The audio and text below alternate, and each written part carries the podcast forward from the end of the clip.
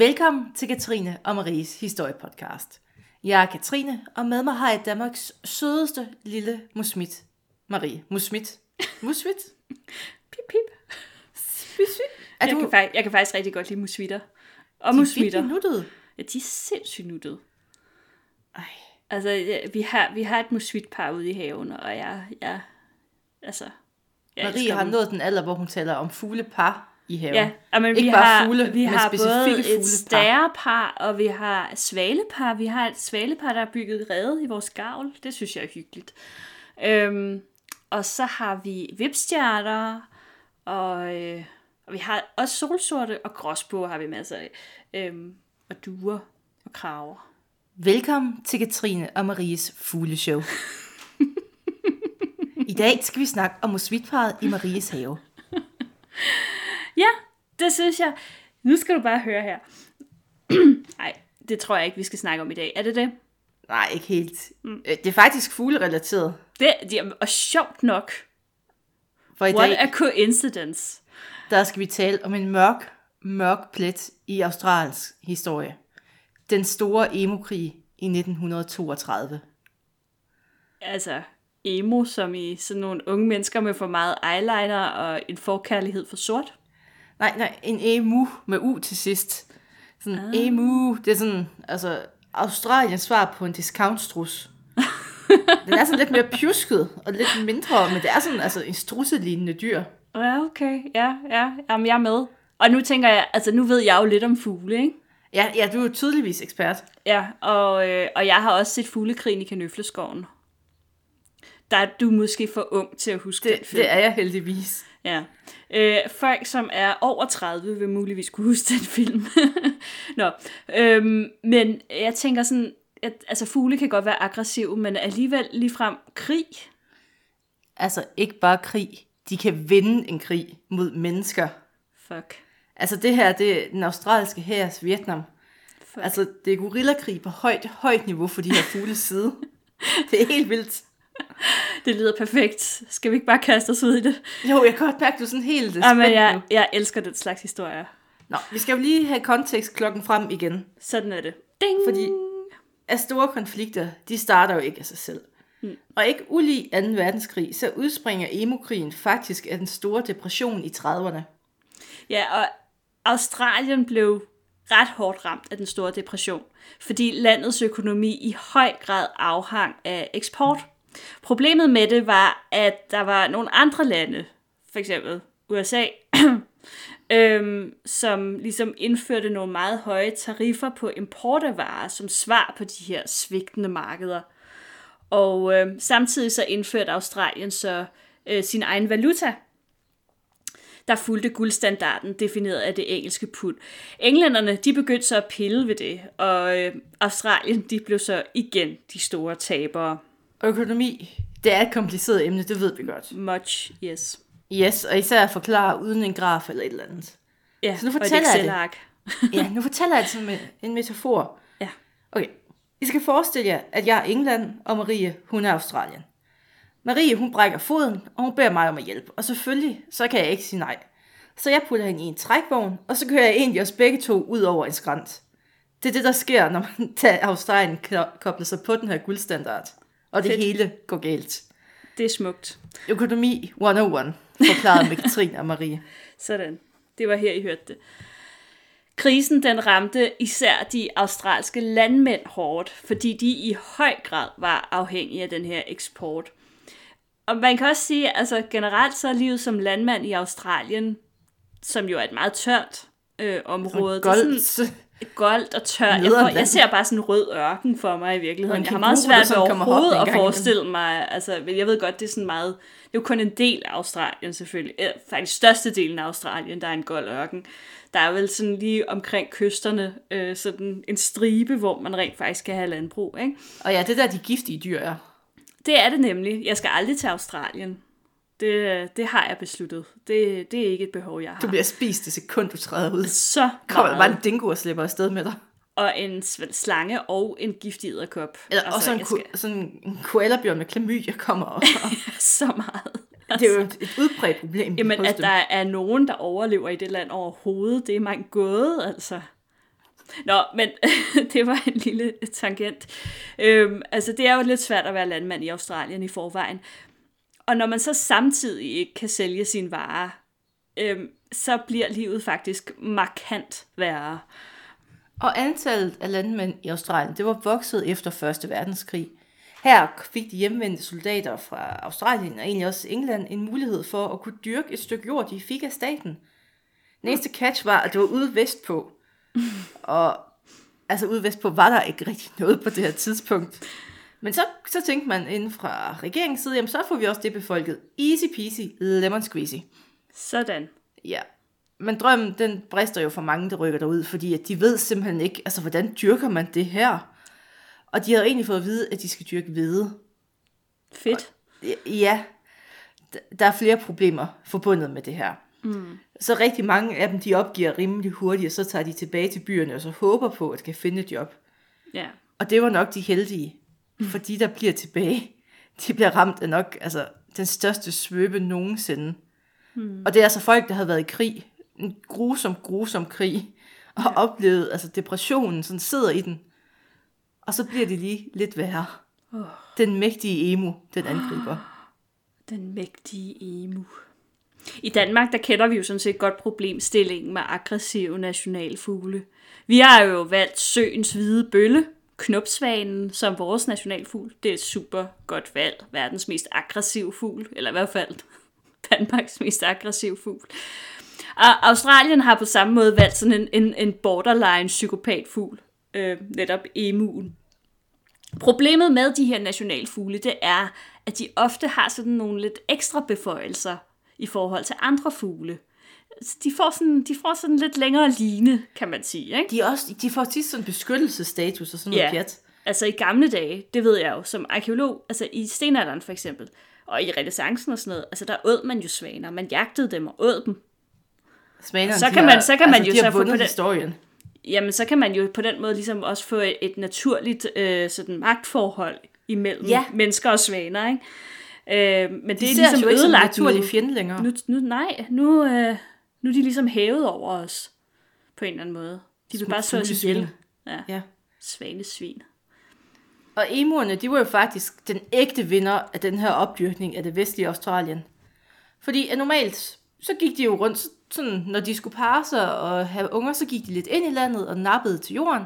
Og så når de var færdige med det, så gik de tilbage til kysten. Og det var sådan en årlig cyklus, de kørte. Mm. Men hov, så på et tidspunkt, så kommer de derind, øh, sådan fra kysten, vandrer ind. Og så opdager de, at der er nogle flinke, flinke mennesker, der simpelthen har dyrket mad til dem. Og de tænker jo bare, hvorfor skal vi så gå tilbage til kysten? Præcis. Vi kan bo her hele året nu. Ja, perfekt. Og frode hvide i os. Nam, nam, nam, nam, nam, nam. Mm. Så gik de ellers bare i gang. Og det betød jo sådan, at øh, de kære emu, at de begyndte at tage for sig af, af retterne i stor stil. De ødelagde desuden også bøndernes hegn, fordi det, var ligesom, det blev de jo ligesom nødt til for at kunne komme ind på markerne. Og det betød jo så også, at øh, der ligesom var andre dyr, der fik adgang til de her marker.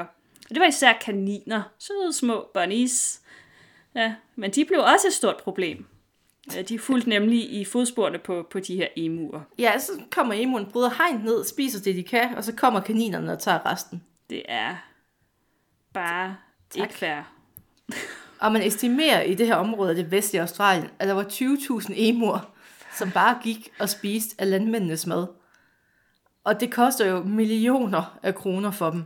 Og de er jo allerede trængte, så det er jo bare altså, Ja. ekstra, ekstra træls. Hmm. Og jo mere de spiser, desto flere unger får de, og desto mere og mere skal de have at spise. Så det er sådan en rigtig gremlin-situation, vi er ude i nu. ja. Og det, det minder mig på en eller anden måde om den der situation, vi har i Danmark med ulve, øh, som kommer, og så tager de lige et enkelt får, eller hvad var det, 200 eller sådan noget. Jamen også bæveren. Har du ikke ja. læst om ham landmanden, der, eller lodsejer, der har erklæret ja. krig mod bæveren? Ja, det er rigtigt. Ej. Ja, og så er der, og, og, øh, og hvad hedder den, morhunden? Ja, jamen de er jo også, der har man jo fået de her judasmor. Som er et super udtryk. Judas mor. Ja, det, så ved man bare, at det er en skidt kale, ikke? Det er en skidt mor. En skidt mor. Don't Nå. hurt me. No Men more. havde, havde Danmark haft det her emu-problem, og vi har jo, altså hvad skal man sige, rigeligt problemer med andre dyr, ikke? Et hegn løser alt. Et hegn løser alt. Det er selvfølgelig lidt sværere på et helt kontinent. Jeg er ikke sikker på, at det havde været nogen udfordring for Dansk Folkeparti. Hvis det nu havde været. Problemet er jo, at emoen, det er jo en nationalfugl. Det er jo ikke sådan, ligesom et vildsvin, der kommer rendende sydfra. Nej, okay. Men altså, det var, det, var et, det var et problem, det her. Det var faktisk et rigtig stort problem. Og i 1932, så gik øh, de australske landmænd, landmænd til øh, krigsministeren, øh, George Pierce. Og øh, altså, landmændene, de havde var simpelthen kommet til den konklusion, at det her, det var et job for militæret. Ikke landbrugsministeren, militæret. Nej. Det var den eneste løsning. Altså, det er jo en ægte krigserklæring, vi er i gang med at få lavet her mod emuerne. Fuldstændig. De vil have taget, sat det, det, det tunge artilleri ind her. Minimum. Ja. Det australske parlament, de var dog, altså, de var en lille smule skeptiske over for den her idé øh, om at gå i krig med sin egen nationalfugl. Flere følte, at det, altså, at det faktisk sådan var direkte barbarisk lige frem at sende sin egen hær efter en flok fugle. Og Pearson siger, men altså, vi skyder dem jo med maskingevær, så det går hurtigt og smertefrit. Og mm-hmm. altså, der er jo kun plussider, fordi at soldaterne, de får også øvelse i at bruge deres fine nye våben på levende mål. Og ekstra, ekstra bonus, man får nogle sindssygt flotte fjer, som man kan bruge i fjerhatte til kavaleriet. så der Bedste er jo altså, der er argument ikke nogen minuser ever. ved det her. Man får jo bare... Altså, ja. Altså, til sidst så står man jo bare med hatte og ingen emur. Ja.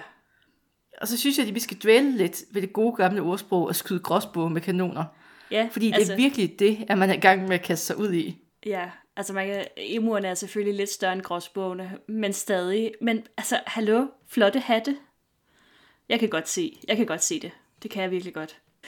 Piers han laver en aftale med landmændene om, at de skal betale for den her operation. Det er vel sådan det eneste rimelige. Og så skal han også holdes ansvarsfri, hvis planen den går i vasken. Det er totalt politikeragtigt. Ja. Og der skal selvfølgelig en erfaren soldat til at føre den her operation. Klart. Og man vælger Major Meredith. Uh. Og han får altså simpelthen alt det, han kan bede om. Eller han får to mænd og to Louis maskingevær og 10.000 stykker ammunition. Han får to mænd. ja. Det er, hvad, det er den australske her. så styrkeforholdet, det her er altså lige nu 20.000 emur og tre mænd og to maskingevær. Sådan. Og missionen den er jo meget klar. Der skal udryddes nogle emur. Og altså, man var måske lidt for selvsikker i starten, fordi Pearson tænker, super god propaganda. Fordi man var sådan også lidt bange for, altså de her folk ude i det vestlige Australien, at de blev så vrede på regeringen for ikke at gøre noget, at mm. de sådan, de godt kunne begynde at sådan gøre lidt oprør. Det var ja. bare sådan lidt bange for. Ja. Så man tænker, vi skal også sælge propagandamateriale, så vi kan vise, at regeringen går ind og hjælper bønderne. Mm. Så det man sender også et filmhold med ud for at dokumentere den her altså, glorværdige vej mod Fedt. sejr. Sådan. Og man kan sige, altså missionen starter allerede sådan lidt tvivlsomt, ikke? Fordi det regner, og øh, i Australien der er alting mere ekstremt, så regnvejret er også bare wow, masser af regn. Og det betyder, at missionen bliver forsinket. Og det giver emuerne den taktiske fordel, at de når at sprede sig. Mm. Allerede der, ikke? Ja. Det første slag, den. det står The Campion i november. Mændene, de spotter en ret stor gruppe emuer, og de allierede sig med en gruppe lokale landmænd, og planen var, at landmændene de skulle drive emuerne direkte hen til soldaterne, som så ville skyde dem. Det er sådan lidt ambush-taktik, man bruger. Det plejer jo at virke mod mennesker. De er jo dumme ja. nok til at hoppe på den. Præcis. Og alt det går til at starte sådan med efterplanen, at emuerne løber hen mod soldaterne. De begynder at skyde. Og så gør emuerne det, at de deler sig op i små grupper, og så løber de rundt, altså simpelthen bare væk i de her små grupper, så de er nærmest umulige at ramme. Så resultatet er, og det højeste tabstal, jeg kunne finde på emuerne, det var, at man fik dræbt 12. og det er det højst satte. Fuck. Så emuerne, de vinder jo den første runde i krigen, med den taktiske genistreg, at man skulle væk fra bang-bang-tingen. Utrolig smart. Hvis bare man havde tænkt på det i nogle af de andre krige. Altså 2. verdenskrig, eller 1. verdenskrig, hvis man havde emu mm. til at være militær. Præcis. Altså, så var det aldrig blevet en skyttegravskrig. Det var det ikke. Så var den krig overstået før jul. Helt sikkert. Hvis kejser Wilhelm havde tænkt som en emu. Ja, den lader vi bare stå. Major Meredith, han vurderede, at øh, mændene de var nødt til at komme tættere på fuglene. Det andet slag i krigen, det stod ved en dæmning tæt ved øh, Campion. Mændene de sne sig langsomt langs med jorden. Jeg ser det for mig. Meget tydeligt. De, de sådan, ligesom, når man sådan, ja, Sådan en stillhed før storm. Ja, og man, sådan hen langs med, hen langs med jorden og sådan noget. Og mændene var, de var tæt på de her emuer, og så åbner de ild med deres maskingevær. Og så kan man sige, enten var mændene uheldige, eller også så øh, ved emuer noget om sabotage. Fordi i hvert fald så gik begge maskingevær i baglås efter kort tid. Og her var det totale tab, så også kun øh, 12 Præcis emuer. 12. Præcis 12 emuer. Og ved du, hvor meget Så- ammunition man brugte på det? Nej, 250 kugler. fedt nok. 2-0 til emuerne. Ja. Nu er man sådan ved at være bagud på point. Ja, det må man sige. Så igen ændrer man taktikken. Mændene de rejser sydpå, hvor de har fået at vide, at emuerne de var sådan lidt mere vant til mennesker, og lidt mere tamme, så de ikke ville løbe sådan med det samme. Mm-hmm. Og så ændrer man også en lille smule mere på strategien. Fordi nu har man set, at de her emuer, de løber væk. Det er et problem, for man kan ikke løbe efter en emu, de løber sindssygt hurtigt. Det er sådan mm. 70-80 km i timen. Ja. Men så tænker man, som et klogt menneske, hov hov, hvad med at vi monterer vores maskingevær på en bil og kører efter emuerne og skyder dem? Problemet er, at emuerne de løber jo nødvendigvis ikke på en vej. Og biler, de er ikke sådan rigtig designet til at køre så hurtigt ude i terrænet, og der er slet ikke på det her tidspunkt. Vi skal huske det i 30'erne. Ja. Og Australien er ikke, altså, der er jo sten, og der er træer, og der er buske. Så emuerne, de kunne da bare løbe væk.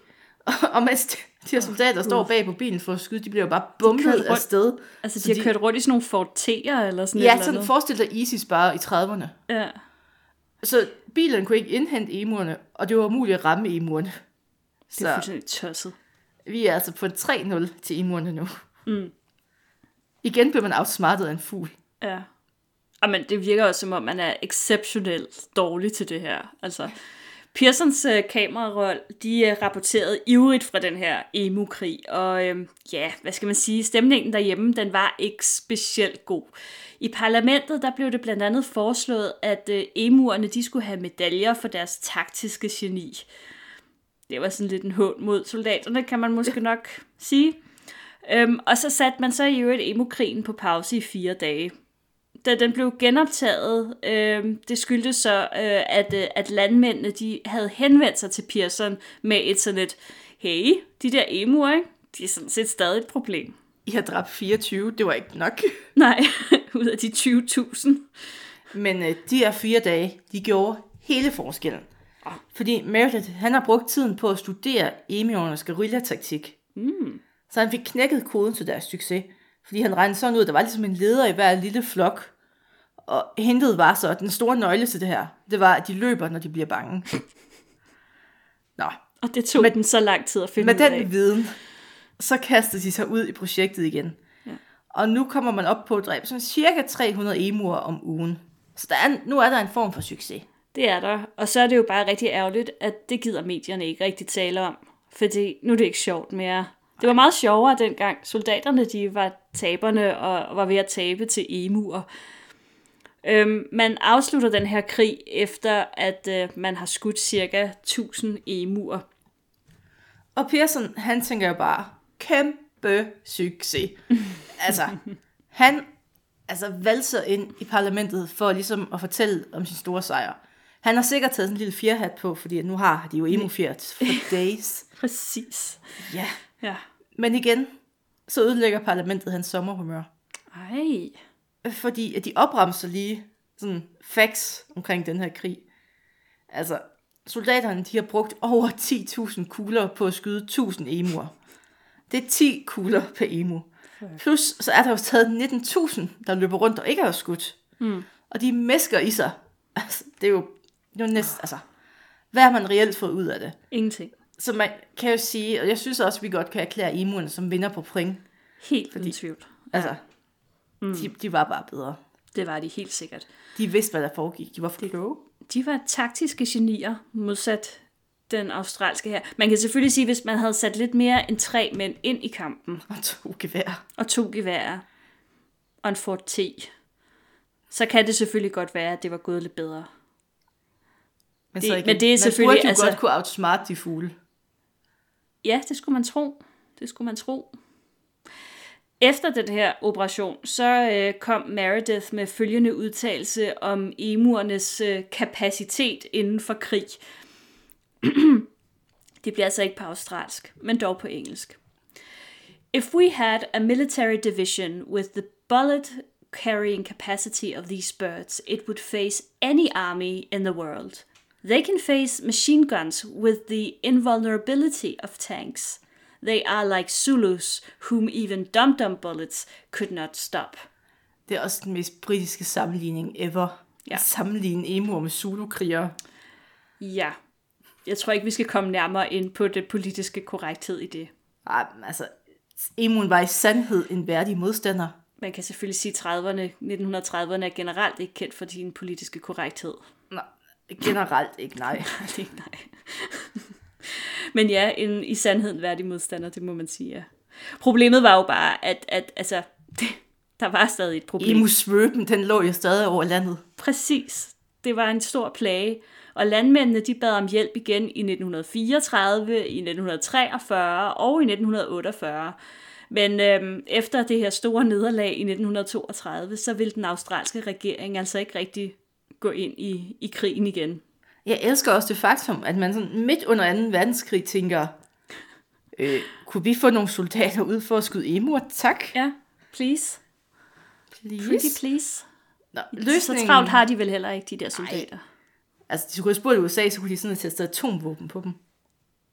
Ja. Hallo? Altså, hvis general MacArthur for Koreakrigen, han skulle kæmpe imod dem, så er der mindst 100 atomvåben, han skulle bruge. Ligesom i Koreakrigen. Mm, præcis. Jeg ser heller ikke Det er altså også en god historie. Mm. Nå, løsningen bliver, at der bliver lavet et dusørsystem mod de her emuer. Og det er simpelthen, at man kunne bytte en død emu for nogle penge. Mm. Og det virkede, altså, det virkede meget bedre end krigen, men det var stadig ikke sådan en super løsning. Ej, men Man dog alligevel. Man nedbringer alt salget. Men sådan, altså et, et økonomisk incitament, det, øh, det kan folk godt lide. Lige præcis. Ja. Øh, konklusionen, den må jo være, at øh, Australien er styret af emuer, og at øh, vi skal prise os lykkelige over, at vi ikke har emuer i Danmark. Jeg vil dog ikke øh, udelukke, 2030, at, at, at knopsvanerne kan, kan på den måde. Altså fordi nu, øh, jeg, altså hernede, hvor jeg bor, der er der altså rigtig, rigtig mange svaner. Og de er jo mest- altså, de er jo de mest sidder i vandfugle. store flokke ude på markerne om foråret. Altså, vi taler sådan flere hundrede. Så altså, jeg tænker, det er sådan et eller andet med noget træk og den slags. Øhm, og altså, de kunne sagtens være et tilsvarende problem. Jeg tror blandt andet, det er derfor, at der er landmænd hernede, som opstiller sådan nogle, jeg ved ikke om, altså gaskanoner, det lyder så voldsomt, men det er ligesom sådan nogle små kanoner, som sådan hver andet minut eller sådan noget andet, laver sådan et bang. Sådan et, ja, puff. Jamen det gør dem jo bare, altså på et tidspunkt så lærer de, så de ikke skal være bange for høje lyde. Så man Ja. skudtræner dem reelt bare. Jamen det gør man faktisk. Altså da, da jeg gik ud langs med sådan en mark, der, det, der var ingen fugle på den mark, bortset fra nogle gråkraver. De var pisselig glade. Men altså, man kan jo sige, lyd. svaner, det er en vandfugl. Ja. Men på den, altså, men, de men spiser flåden altså også opruster sådan jo også på tiden. Ved regeringen noget, som vi ikke ved? Du, du, du. Og med de ord, tak fordi I lyttede med.